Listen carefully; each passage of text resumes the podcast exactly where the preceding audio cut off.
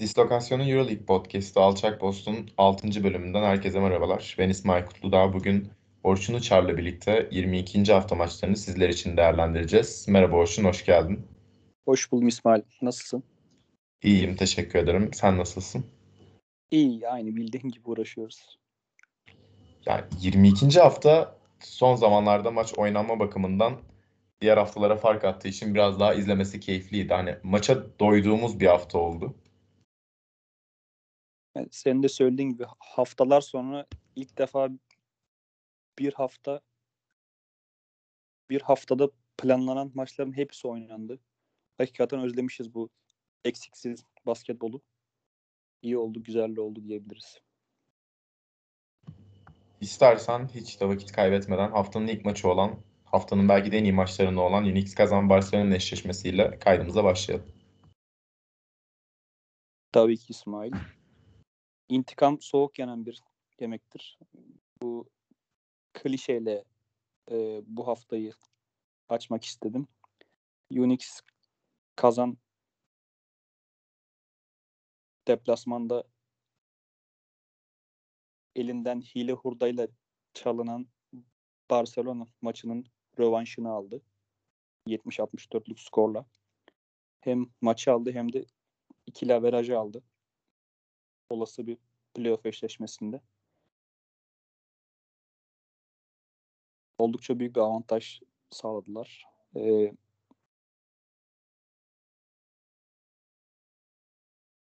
ilk yarı dengeliydi oldukça. İlk yarıda 35-31'lik Barcelona'nın üstünlüğü vardı. Fakat ne olduysa 3. çeyrekte oldu.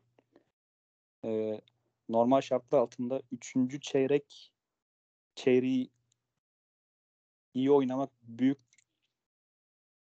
takım olmanın alameti farikalarındandır. Şu eşleşmede de Barcelona'nın 3. çeyreği iyi oynamasını eklerseniz doğal olarak fakat Unix bu çeyreği 23-13'lük skorla kazanarak hem skor üstünlüğü hem üstünlüğünü hem de psikolojik üstünlüğün üstünlüğü ele almış oldu. Ve son çeyrekte de hata yapmayarak 70-64'lük skorla hem 111-109'luk o normal sezonun tüm yaşanan hakem hata, hatalarına rağmen en iyi maçının rövanşını aldı hem de kilaveraj aldı daha önce de söylediğim gibi. Hız, hızlıca istatistiklerden de söz etmem gerekirse e, John Brown 7 top çalarak sezon rekorunu kırmış oldu şimdilik. Şimdilik diye özellikle söylüyorum çünkü John Brown hakikaten Euroleague sahnesindeki yanlış bilmiyorsam ilk yılı yani daha önce farklı bir ekiple Euroleague'de Euroleague'de oynadığını hatırlamıyorum. Ee, yani her maç bir önceki maçtan daha fazla top çalmaya açık bir isim.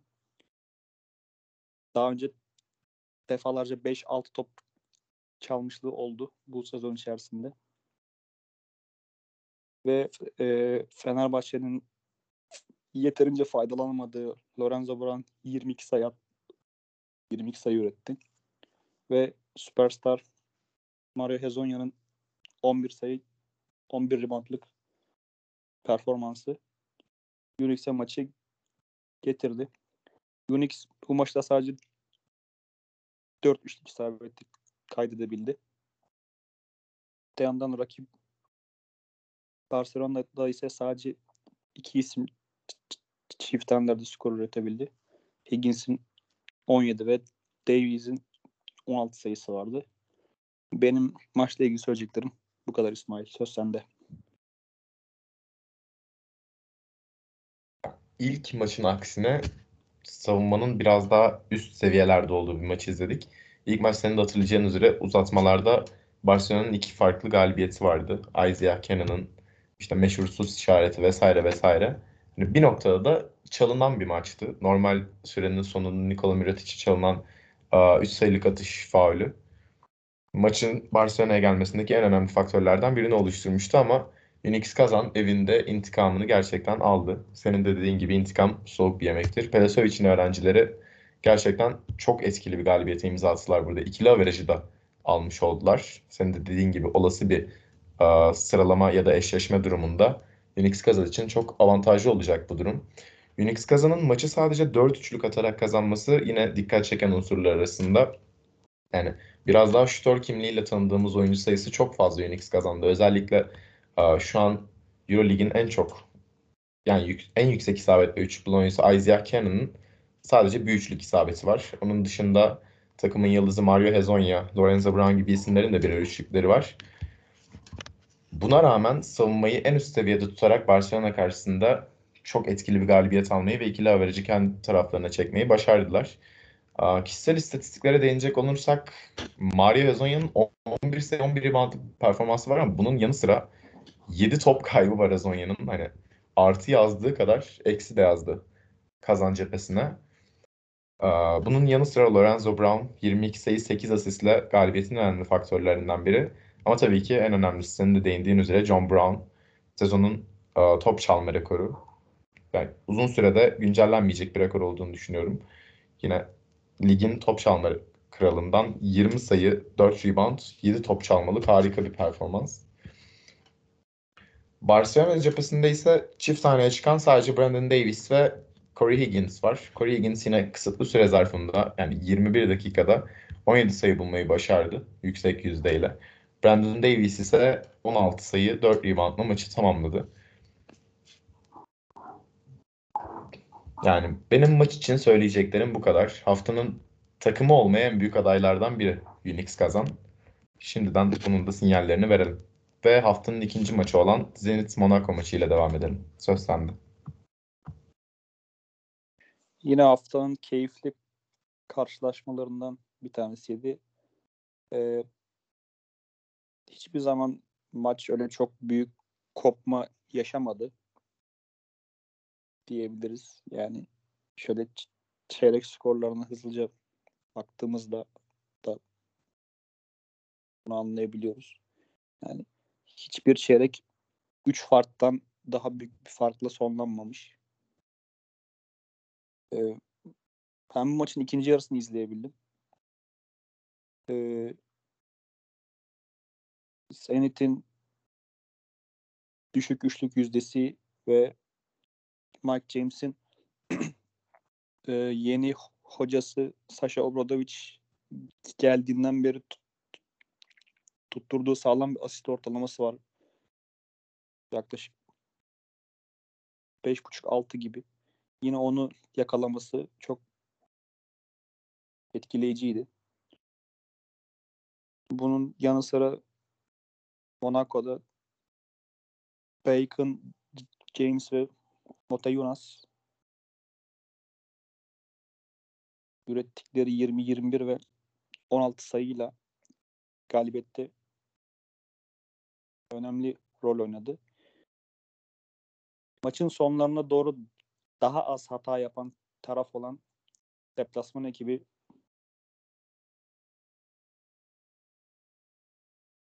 Monaco kazandı ve e, süre gelen yükselişini sürdürdü.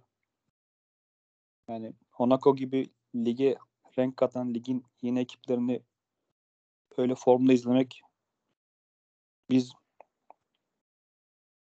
basketbol severleri son derece mutlu ediyor deyip söz sana bırakıyorum İsmail. Senin de değindiğin üzere Monaco'nun yükselişi bu maçla birlikte devam etti. Arka arkaya dördüncü haftalarından da galibiyetle ayrıldılar Rusya deplasmanından. Zenit'in ise 4 galibiyet 4 maçlık üst üste olan galibiyet serisi bu maçla bozulmuş oldu. Yani Monaco'nun süre gelen bu performansı gerçekten onları playoff'a itecek gibi duruyor. Ben geçtiğimiz kayıtlarda Monaco'dan bir playoff beklemediğimi hatta oralarda onları hiç görmediğimi söylemiştim ama yeni koçlarıyla birlikte Mike James'in de hani gerçekten MVP kalibresindeki performanslarıyla birlikte Monaco'nun performans durumu gitgide yükseliyor ve belki de onları sezonun sonunda, normal sezonun sonunda playoff potasının içinde göreceğiz. Yani yeni bir ekibi bu şekilde izlemek gerçekten çok keyifli. Geçtiğimiz sezonda da Zenit'te aynısını görmüştük. Kişisel performanslara değinecek olursak az önce de değindiğim üzere Mike James hani arka arkaya yaklaşık 6-7 maçtır zaten geçtiğimiz kayıtta da bunu konuşmuştuk. Asist sayısını hiçbir türlü 5 asistten aşağıya görmüyoruz. Bunun yanı sıra artık hani top çalma blokları da repertuarına iyice ekledi. Gayet çok yönlü bir maç çıkararak Zenit karşısındaki galibiyetin en önemli faktörlerinden biri oldu. 21 sayı, 4 rebound, 5 asist, 1 blok, 2 top çalma gibi kusursuza yakın bir performansla 14'te 8, 2 sayı isabeti ve 4'te birlikte 3 sayılık isabeti var Mark James'in. Sadece 2 top kaybıyla birlikte. Fransız ekibinde Dwayne Bacon 20 sayı 6 reboundla maçı tamamlayarak Donatas Mateusz'un 16 sayı 8 reboundlık performansına ek olarak yine galibiyetin önemli faktörlerinden birini oluşturdular. Zenit cephesinde ise çift sahneleri gören 4 oyuncu vardı. Jordan Mickey, Dmitry Kulagin, Sergi Karasev ve Kuzminskas. Ama bu performanslar ma- maalesef ki galibiyet için yeterli olmadı ve Monaco Zenit deplasmanından galibiyetle ayrılarak 4 hafta arka arkaya galibiyet sevinci yaşamış oldu ve 9. sıraya temsilcimiz Anadolu Efes'in hemen arkasına yerleşmeyi başardı. Bu maç için söyleyeceklerim bu kadar. İstersen haftanın temsilcilerimiz açısından ilk maçı olan Fenerbahçe Beko Zalgiris Kaunas eşleşmesiyle devam edelim. Tabii ki İsmail. Benim tamamını izlediğim bir maçtı. Ee, özellikle ilk çeyrekteki o sudan çıkmış balık gibi olma durumu Fenerbahçe için işleri çok daha zora sokabilirdi. Fakat Fenerbahçe son çeyreği doğru oynayarak maçı kazanmasını bildi. İlk çeyrekte temsilcimiz sadece 7 sayı üretebildi. Fakat şansına Zalgiris'te toplam 13 sayı üretebilmişti zaten. Dengeli devam eden ikinci ve üçüncü çeyreğin ardından son çeyreğe 51-44'lük Zalgiris üstünlüğüyle girildi. Fakat ne olduysa son çeyrekte oldu. Temsilcimiz so- son çeyreği 29-16 gibi çok ciddi bir skorla kazanarak maçı da 70-67 ile kazandı ve e, hata yapmadı diyebiliriz. Aslında bu sözü söylemememiz lazım yani. Fenerbahçe'nin lig sonuncusuna rahat rahat 15-20 fark atabiliyor olması lazım. Fakat yani ne olduysa hiçbir şekilde o beklediğimiz istediğimiz Fenerbahçe sahada yoktu. Ee, tabii sakatlar ve eksikler de var da yani e, Henry'nin sakatlığının çok daha ciddi ve uzun süreceği söylenmişti. Fakat kendisi büyük bir özveriyle sahadaydı. Ee, yaklaşık 18 dakika sahada kaldı ve sayısı yok. Yani sadece bir rebound, iki asist, bir top çalması var. Onun haricinde Marko Kudric e, Obradovic takımdan ayrıldığından beri gözle görülür bir performans düşüşü vardı. Özellikle bu sezon özelinde çok saç baş yoldurmuşluğu var Fenerbahçelilere. Fakat bu maç Obradovic'li zamanlarından bir kuple güzel basketbol sundu bizlere. Yine bu son çeyrekteki geri dönüş ateşini yakan Şeyh Mustam'da söz etmek istiyorum Fenerbahçe adına. Genç oyuncu 7'de 3 üçlük 3'te 2 ikilikle 13 sayı ve 4 reboundla maçı bitirdi. Yani öyle söyleyince fazla bir şey yapmamış gibi gelebilir insanlara fakat maçı izleseydiniz ne demek istediğimi çok iyi anlardınız. İstatistik kağıdının çok ötesinde şeyler yaptı. Zalgiris'te de sadece e, genç oyuncu Lucas Jonas ve Tyler Cavanagh'a değinip sözü sana bırakacağım İsmail. Lucas Jonas e, Fenerbahçe neredeyse her pozisyonda her savunmasında Lucas Jonas'ın şutunu riske etti ve genç oyuncu maç boyunca 13 tane üçlük denedi. Bunlardan toplam 5 tanesini isabet kaydetse de bu Fenerbahçe savunması için bir şeylerin yanlış yapıldığı anlamına geliyor diye düşünüyorum. Ve Tyler Cavanaugh kendisi 9'da 0 sağ içi isabetiyle sadece 2 sayı üretebildi 34 dakikada. Bunun yanı sıra 13 rebound ve 3 asistlik katkı sağladı. Fakat yani Cavanaugh şu 9'da 0 yerine 9'da 3 ile oynasaydı sağ içinden yani maç için farklı şeyler konuşuyor olabilirdik deyip sözü de fazla uzatmadan sana bırakmak istiyorum. Teşekkür ediyorum. Karakteri bakımından Fenerbahçe Baku hiçbir zaman aa, savaşmayı bırakmayan bir takım olmuştur bunca sene boyunca.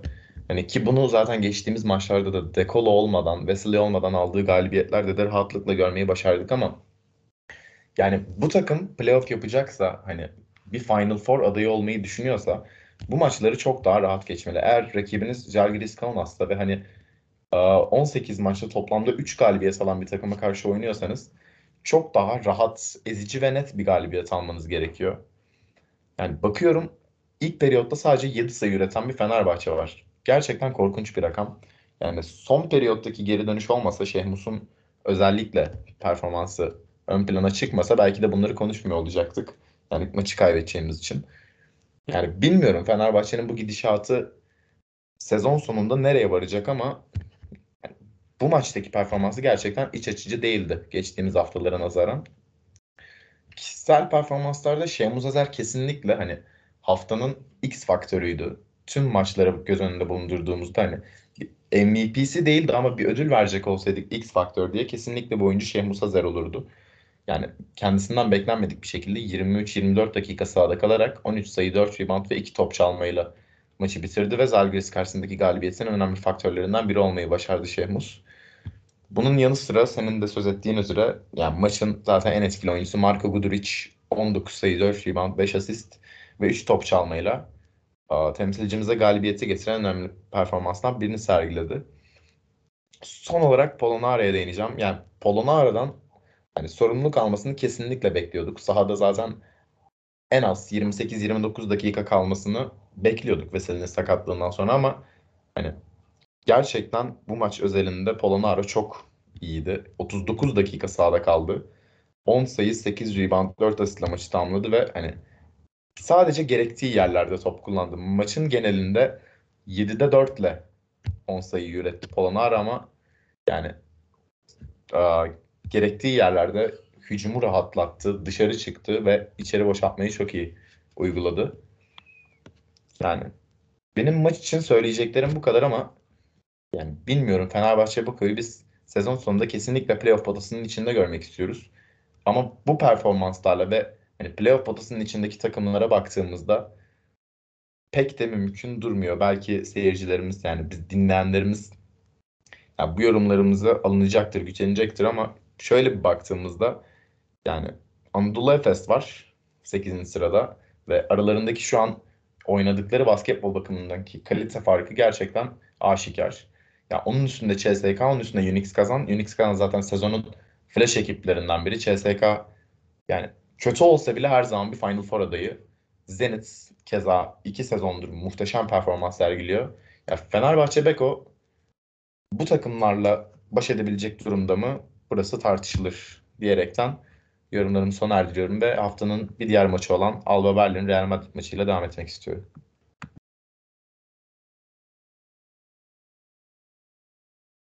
Evet. E, Alba Berlin, Real Madrid.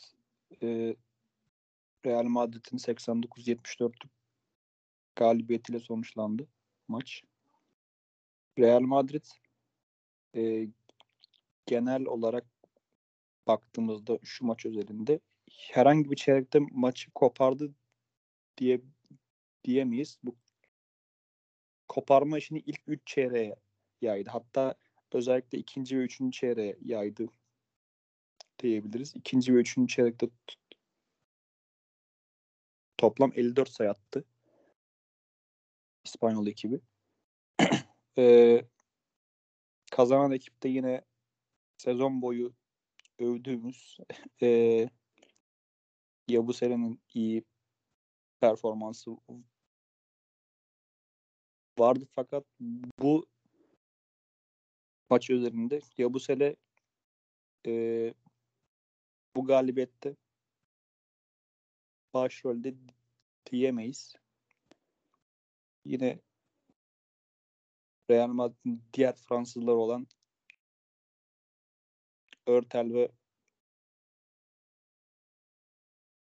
Poirier performanslarıyla Yabusere'nin bir iki adım önündelerdi. Ee, ev sahibi Berlin'de ise Maudolo'nun 21 sayı e, 5 rebound 2 asist 3 top çalmalık etkileyici performansı galibiyete yeterli olmadı. Marcus Eriksson ve e, Luke Sigma gibi isimlerden beklenen katkı gelmediği için yani kağıt üzerinde herkesin Real Madrid galibiyetinin gözü kapalı yazdığı bir maçtı zaten. O yüzden çok da söylenecek bir şey yok açıkçası bu maçla alakalı. Deyip sözü, sözü sana bırakıyorum İsmail. İspanyol ekibi bu maçla birlikte galibiyet serisini 5 maça yükseltti. Ve e, Barcelona'nın Unix Kazan mağlubiyetinden sonra yani Barcelona'nın uzun sürelik liderliğini sona erdirerek birinci sıraya ulaşmayı başardı. Yani Real Madrid açısından gerçekten çok rahat bir maç. Zaten yani az önce bahsettiğimiz mesela Fenerbahçe'nin kolay rakipleri bile e, rahat rahat yenememesi durumunun tam aksi bir durum var Real Madrid cephesinde. Zayıf rakiplerine karşı tamamen üstünlük kurmayı başarıyor İspanyol ekibi. Yani çok sayılı rotasyonla çok rahat galibiyetler almayı başarıyor. Bu maçta da yine toplamda 11 kişilik bir rotasyon var Alba Berlin karşısında ve tüm oyuncularından skor katkısı almayı başarmışlar. Alosen dahil, Gabriel Dek dahil. Bu arada ona da değinelim. Gabriel Dek geri döndü ve ilk maçına çıktı. Ve 4 sayı, 1 rebound, 2 asistle. Düzeltiyorum çok pardon. 2 sayı, 1 reboundla maçı tamamladı. Maçın etkileyici performanslarına değinecek olursak Tom Hurtel 17 sayı 7 asistle maçı tamamlayarak yani galibiyetin faktörlerinden biri olmayı başardı. Hani ana bir faktör söylemek pek doğru olmayacaktır çünkü öyle bir durum yoktu maç genelinde. Real Madrid hani süreleri tüm oyuncularına neredeyse yedirerek rahat bir galibiyet almayı başardı Alba Berlin karşısında ve uzun süre aradan sonra Barcelona'nın liderliğini sona erdirdi ve birinci sıraya çıktı. Haftanın bir diğer maçı olan yani haftanın belki de en flash skoru Maccabi Tel Aviv Olympiakos 84-69. Bununla devam edelim. Haftanın keyifli maçlarından yani ben Maccabi kendi sahasında oynadığı zaman özellikle sırf o tribünler için bile Maccabi maçlarını izlemek istiyorum. Rakip kim olursa olsun. Harika bir atmosfer oluşturuyorlar Menora Mirtaçim Arena'da. Her yer sapsarı. Gözünün alabildiği her yer sarı. Çok korkutucu olabiliyor çoğu zaman. Rakip sezona çok iyi başlayan ve sezonun ilk yarısını oldukça iyi oynayan diyebileceğimiz Olympiakos. Fakat son zamanlarda çok ciddi bir form sıkıntıları var. Ee, üst üste alınan mağlubiyetler ve farklı sayılabilecek mağlubiyetler sebebiyle son derece form olarak sıkıntıdalar şu aralar diyebiliriz. Ee, Maccabi adına maçı kazandıran ve yaklaşık 8 9 maçlık mağlubiyet serilerine son veren ayrıntı Maccabi ikinci yarıda toplam sadece 31 sayı yedi. Yani sa- sadece ikinci çeyrekte 22 sayı yediklerini de söylersem ne demek istediğim daha iyi anlaşılacaktır. Maccabi ikinci yarı çok iyi bir savunma yaptı ve rakibine göre çok daha iyi yüzdeli hücum etti. Ve 84-69'luk farklı sayılabilecek bir galibiyet aldılar. Ligin ilk dört iddiası süren ekiplerinden olan Olympiakos'a karşı. Antes için oldukça etkileyici bir performansı vardı. 23 sayı, 6 rebound, 5 asist, 1 top çalma yaptı. Hırvat oyuncu.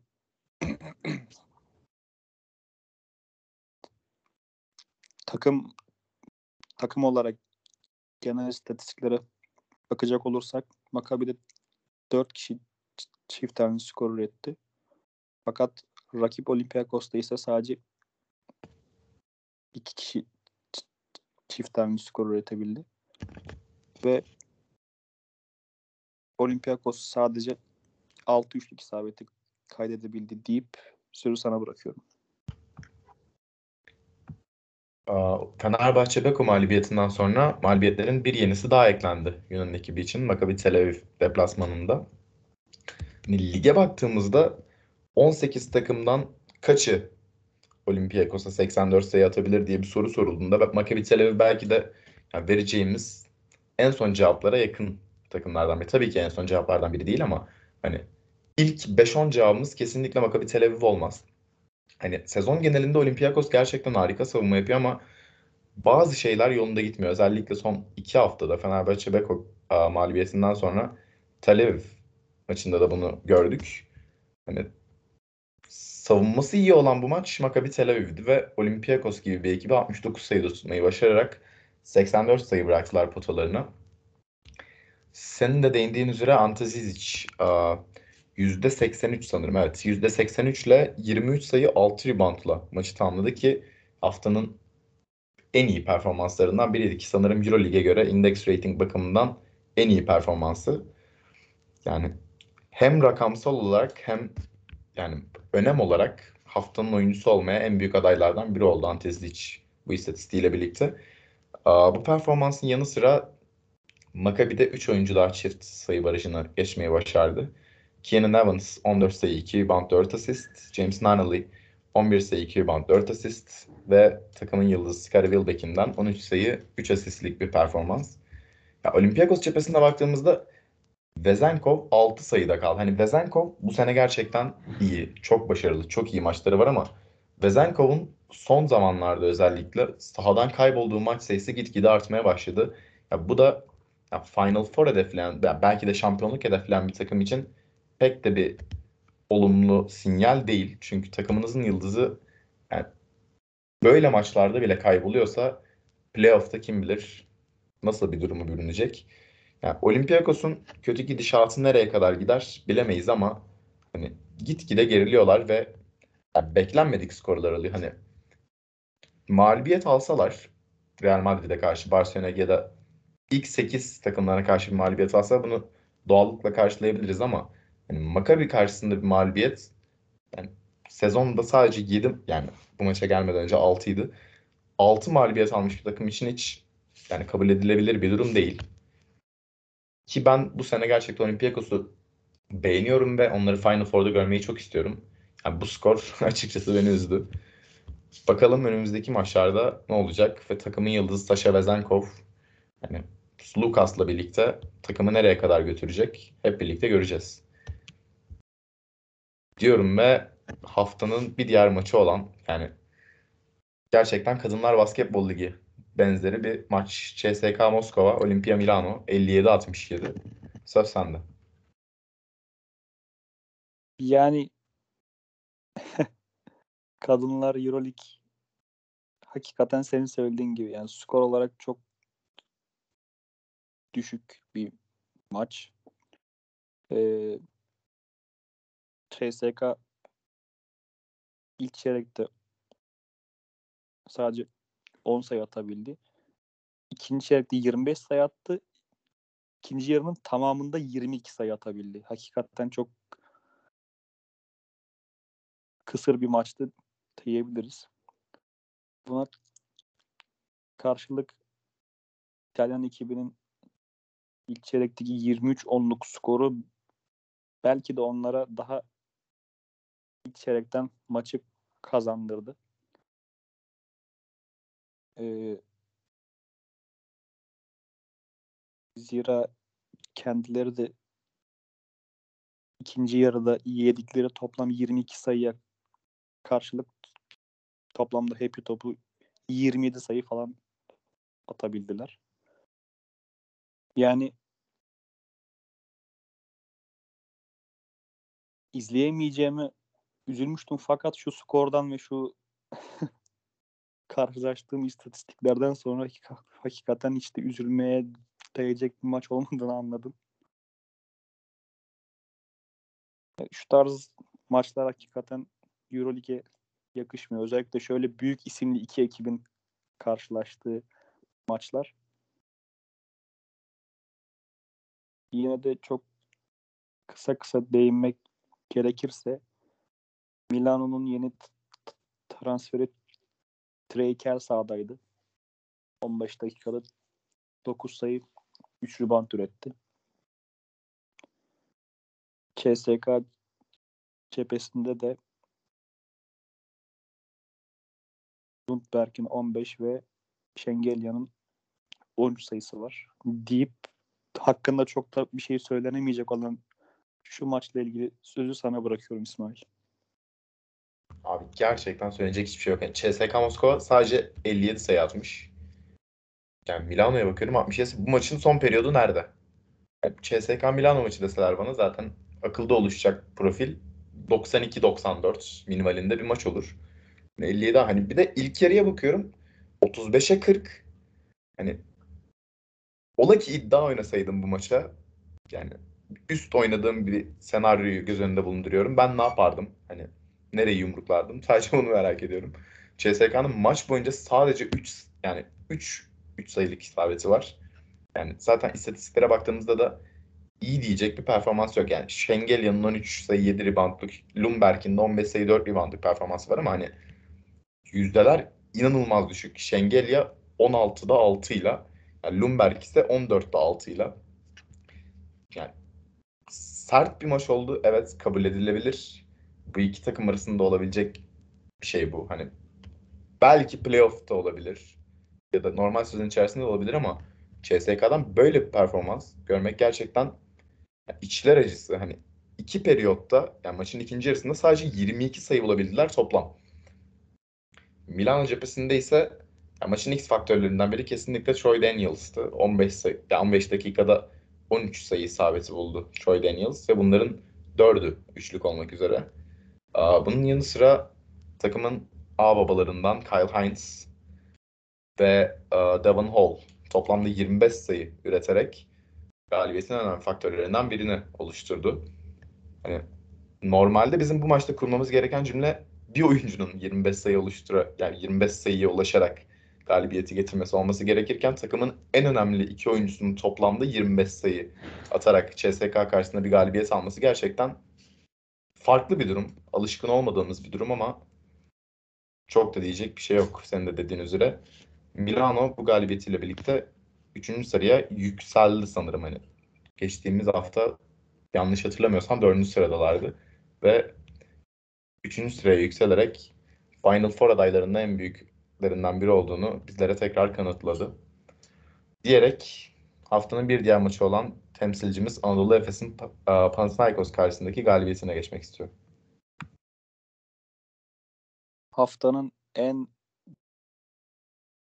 dram yüklü e, soruna sahne olan maç. Harika bir maç. Yani tabii ki harika bir maç diye söylememin sebebi maçı temsilcimizin kazanmış olması. Yani, yani son saniye üçlüyle özellikle Panathinaikos gibi bir ekibe maç versek şu an sinirden ne söyleyeceğimi bilemiyor olurdum. Fakat yine de Panathinaikos gibi bir ekibe karşı dahi son saniye üçlüyle maç almak temsilcimiz için bir utançtır. Yani bunu çok net bir şekilde söyleyebiliyorum. Hakikaten yani, yani Panathinaikos'un bir numaralı uzunu Papayannis yokken pa hasat altı bir oyuncu olan Kavadas 15 dakika süre alıp 8 sayı üretirken senin nasıl sezon başı transferini yaptığın Filip Petrus'e bir saniye dahi oynamaz. Yani hakikaten yani takımda da artık o boş vermişliği ister istemez hissediyorsunuz. Efes maçlarını izlerken. Vasilyev Miçic artık yani ne olur bir uzun alın da artık oynayayım ben de be falan. Onunla ikili oynamak istiyorum diyor vücut diliyle. Yani küstüm oynamıyorumculuk yapıyor diyebiliriz Vasilya Miçic. Yersiz yersiz saçma sapan yerlerde step back üçlükler 7'de 0 üçlük attı bu arada. 19'da 8 sağ içi isabet üretti. Yani sen geçen sezon MVP'sin yani. Sen niye böyle tripleniyorsun? Senin kavgan basketbolla değil. Senin kavgan sana iyi uzun almayan, senin hak ettiğin uzunu sana almayan yönetimdedir. Bunun haricinde Simon'dan da yine kendine yakışmayan bir performans. 11'de 2 sağ içi isabeti. Yani belki de maçı zora sokan istatistikler bu iki istatistikti. Mitch'in 19'da 8 ile 20 sayı atması, Simon'un 11'de 2 ile 10 sayı atması. Maça dair tek güzel şey son topta Muharman'a çizilmiş üçlüktü. Hakikaten. Yani bitime 1.7 saniye kala sanırım. Muharman e, sağ forvetten o şutu buldu ve sezon boyu istikrar sallanamayan o 4 numaradan dış şut katkısı hatta genel olarak 4 numaradan katkı sorunlarını şu maçlığına şu maçlığına olsa da çözdü. Sonuç olarak maçı aldı yani. Galibiyet galibiyettir her zaman. Panathinaikos diyese yine Nedovic ve Macon büyük oynadılar fakat yeterli olmadı. Onlar da özellikle hem hücum hem savunmada Papayannis'in eksikliğini, eksikliğini fazlasıyla hissetti. Deyip sözü sana bırakıyorum İsmail. Abi yine Panathinaikos yine kafayı yedi. Yani ilk maçta zaten 30'a yatırmışlardı bizi. Yine 12 3 sayılık isabet buldular karşımızda ve gerçekten yani yine mi dedirttiler. Az kalsın kaybediyorduk zaten maçın Maymun'un üçlü olmasa. Ya Efes cephesinde gerçekten çok fazla olumsuz yorum var ki senin de değindiğin gibi Vasilyemis için 7'de 0 üçlük atması yani gerçekten üzerine oturup düşünmelik. Hani neden böyle demelik en büyük sorunlardan biri yine Simon'un da keza çok düşük yüzdeyle oynaması. Yani 7'de 1 2 sayılık sayı %14, %25'lik ve 3 sayılık sorunu var. Yani Dunstan yine 30 dakikaları gördü. 32 dakika sahada kaldı. Hani adam artık bir gün sahada kalacak herhalde. Uzun alınmaya alınmaya bugünleri göreceğiz. Yani 14 sayı 4 rebound 3 blokla maçı bitirdi ama hani dediğimiz gibi Efes'in oyun planına uygun olan uzun profili kesinlikle Brian Dunstan değil. Yani en azından benim düşüncem kesinlikle bu yönde. Ki zaten şampiyonluğun en büyük faktörlerinden biri Sertaç Şanlı'ydı. Ki Sertaç'ın dış şut tehdidi yani Efes'i buralara getiren, Efes'in o takım olmasını sağlayan en önemli faktörlerinden biriydi. Filip Petrushev yani son 5 maç genelinde toplamda sanırım 1 dakikaya erişemedi hala. Yani Panathinaikos karşısında da süre almadı. Yani toplasak sanırım 50 saniye falan oynamıştır son 5 maçta. Panathinaikos cephesinde Okara White, Nemanja Nedovic ve Daryl Macon'ın toplamda 52 sayılık performansı galibiyet için yeterli olmadı. Yani Daryl Macon yine harika oynadı. İlk maçta zaten hatırladığınız üzere yani 9 üçlük bulmuştu sanırım yanlış hatırlamıyorsam. Bu maçta da 10'da 7 ile 17 sayı bulmayı başardı. Panathinaikos'un yıldızı.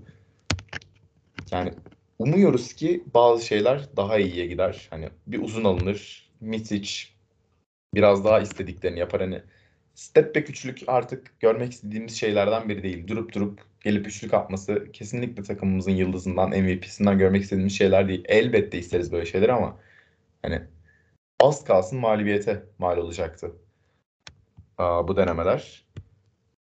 Çok daha iyi bir takım oyunu görmek istiyoruz ve Efes'i daha yukarılarda görmek istiyoruz. Umuyoruz ki sezon bitiminde 8. sırada yani 8. sıra ya da onun üzerinde görmeyi başarırız. Diyerek haftanın bir diğer maçı olan Baskonya Bayern Münih eşleşmesine geçiyorum. Anadolu Efes'le ilgili son olarak şunu da söylemek istiyorum. Yani Filip Petrushev öyle bir oyuncu ki hafta içi Vasilis Kavadas gibi tek özelliği 2 metrenin üzerinde uzunluğa sahip olması olan iyi adamı hafta sonunda da Karşıyaka deplasmanında e, dizlerinin içi bomboş olan Alex Tyus'ı harika bir pivotmuş gibi gösterdi yani. O kadar kötü bir uzun. Artık daha nasıl anlatabilirim bir fikrim yok yani. Deyip Efes'i kapatıyorum ve hemen sıradaki maç olan ve haftanın keyifli maçlarında olan yine içinde bolca hikaye içeren ve intikam konulu hikayeler içeren Baskonya Bayern Münih maçına geçiyorum. Sezonun ilk yarısındaki maçta da bu iki ekip bize keyifli bir mücadele sunmuştu. İlk maça damga vuran eski Bayern'li şimdiki Baskonyalı Wade Baldwin bu maçta da yine harika bir performans ortaya koydu sanki bir şeyin intikamını almaya uğraşıyor gibiydi hakikaten. 23 sayı 4 asist bir top çalmayla toplam 30 verimlilik üretti. Fakat bu galibiyete yeterli olmadı. Bayern Münih özellikle harika oynadığı ikinci çeyrekle maçı aldı diyebiliriz. İkinci çeyrekte Alman ekibinin 26-16'lık üstünlüğü vardı. Bayern Münih tepesinde ise Rubit çok kötü şut atmasına rağmen yani toplamda 13'te 4 şut atmasına rağmen Hunter ve Walden'la beraber toplam 51 sayı ürettiler ve galibiyette çok önemli rol oynadılar.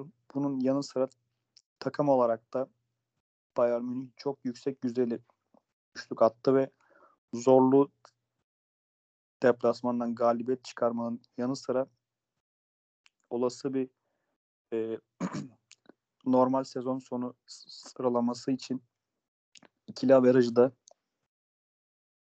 Baskonya'dan almış oldu deyip sözü sana bırakıyorum İsmail. Şinkiyer'in öğrencilerin tırmanışı devam ediyor.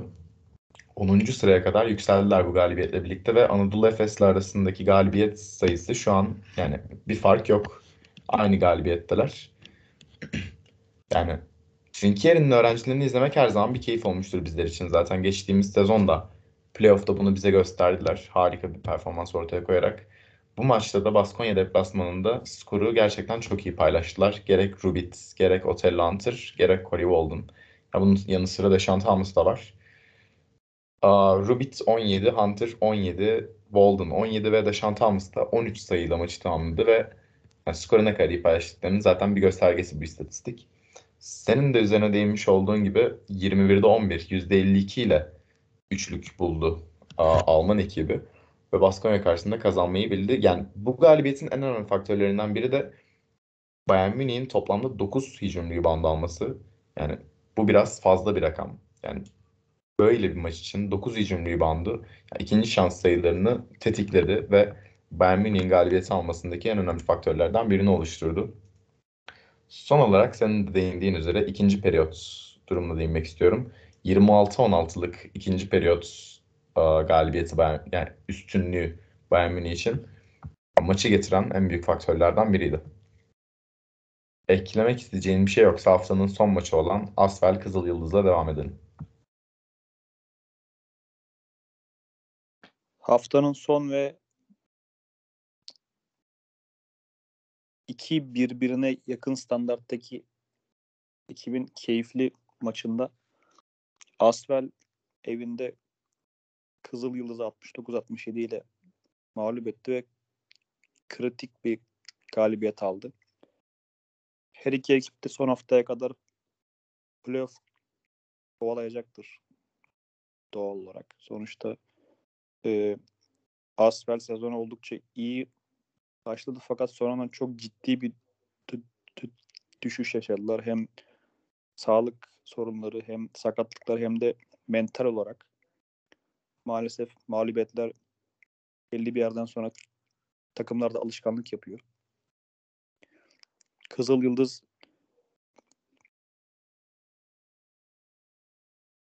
İzler'in sevgili Sırbistan yarım milli takımı sezonu kendilerinden beklenenden çok daha iyi bir başlangıç yaptılar.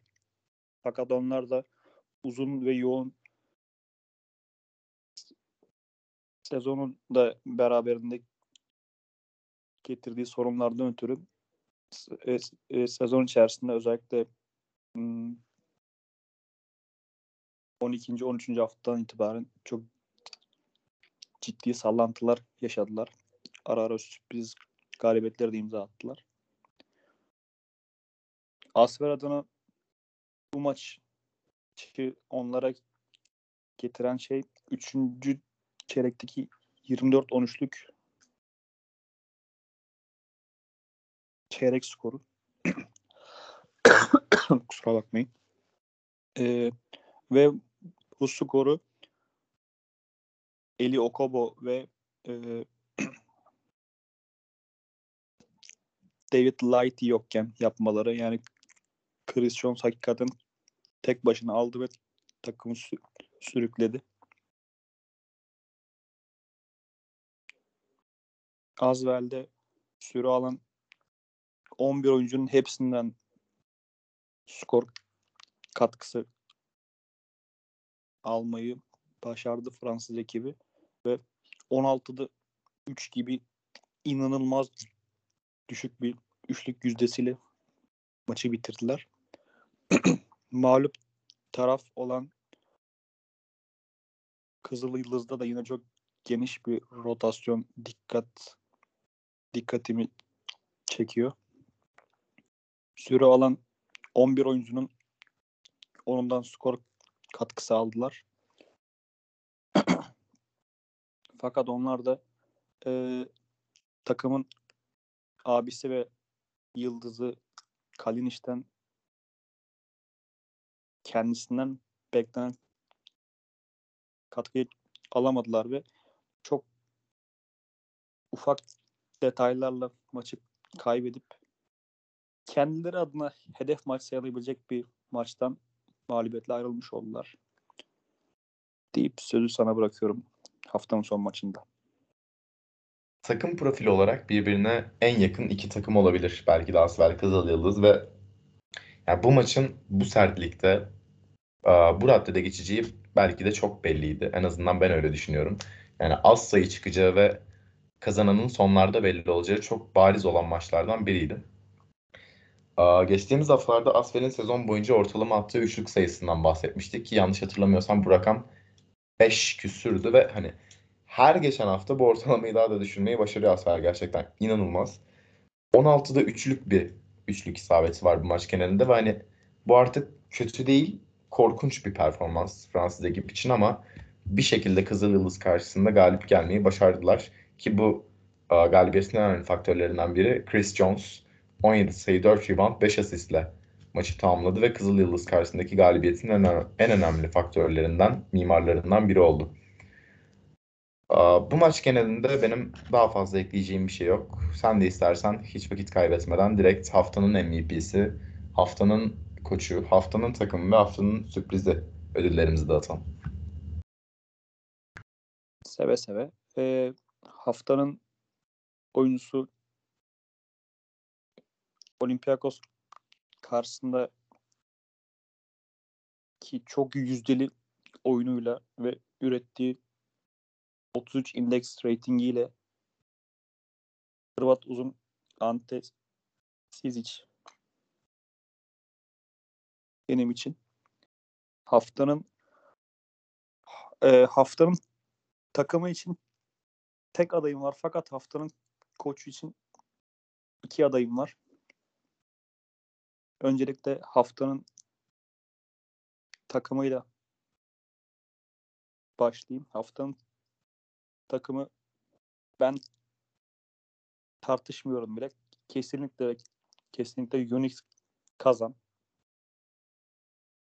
Gerek e, sezonun ilk yarısında yaşanan tüm olaylar ve e, bu maçta kazan seyircisinin ve oyuncuların bu maçın ne kadar çok istediğini her şeyle sahaya yansıtması hakikaten yani John Brown kendine ait rekoru yeniledi. Yani bunun daha ötesi yok. Yani her maça daha fazla sayıda top çalmak için çıkan bir isim adeta. Haftanın hocası için de e, ilk adayım Perasovic takımını e, ilk Barcelona maçından sonra çok iyi hazırlamış bu Barcelona maçına ki arada çok fazla bir zaman da yoktu. Sanırım 4-5 hafta falan oldu yani biz o o maçı konuşalı. Hatta o kadar bile olmadı sanırım ve diğer adayım Maccabi koçu Spyropoulos 8 9 hafta üst üste kaybettikten sonra takımını zorlu Olympiakos maçına çok iyi şekilde hazırlamış, motive etmiş ve sahaya sürmüş. Takıma da kendisinin yüzünü kara çıkarmadı ve 84 69'luk çok net bir galibiyet aldı. Playoff yürüyüşü adına da çok değerli bir galibiyetti bu Makabi adına. Evet İsmail sence haftanın koçu, oyuncusu ve takımı kimdi? Ya, bu haftanın ödüllerinde sanırım ayrışmadığımız tek hafta olacak. Çünkü yani tüm yorumlarınız hemen hemen aynı. Sadece benim birkaç küçük eklemem olacak. Haftanın takımı benim için de kesinlikle Unix kazan. Barcelona karşısında hani hikayesi bol olan bu maçta inanılmaz bir galibiyet aldı Akarasovic'in öğrencileri ve yani Final Four'un en büyük adaylarından biri olduklarını tekrar bize gösterdiler. Haftanın sürprizi yani tartışmaya kapalı bu soru. Kesinlikle tartışmaya kapalı.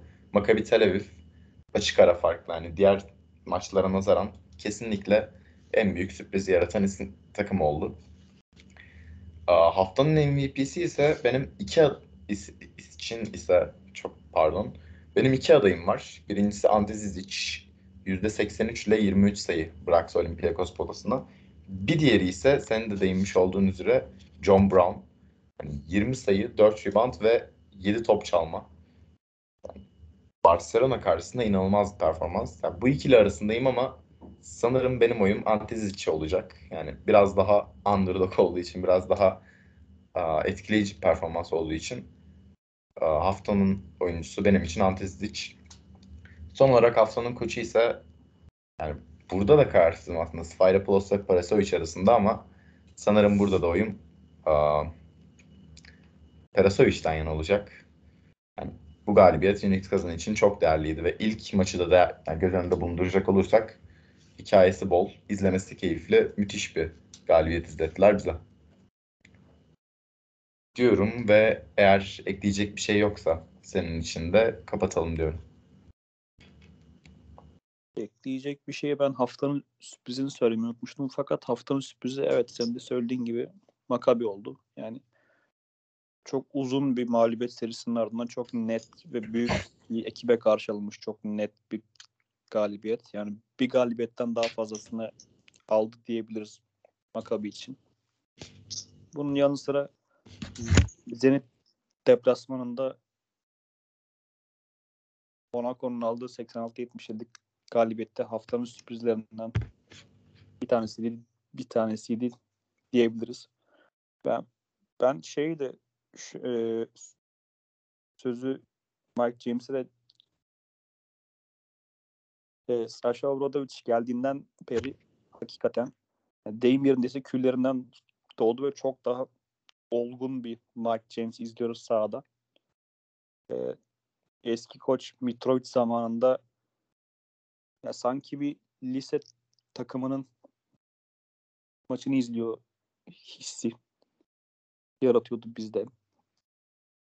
Oyundan alındığında tavır yapmalar, hocasıyla tartışmalar vesaire vesaire. Fakat yeni koç Sasha Obradovic bu sorunların çoğunu halletmiş gibi gözüküyor. Ve Mike James artık yaşına kalitesine yakışır bir olgunlukta ve takım oyuncusu olarak sahada. Zaten yaptığı asist sayılarından da yayın içerisinde söz etmiştim deyip 23. haftada görüşmek üzere. Hoşçakalın diyorum. Hoşçakalın.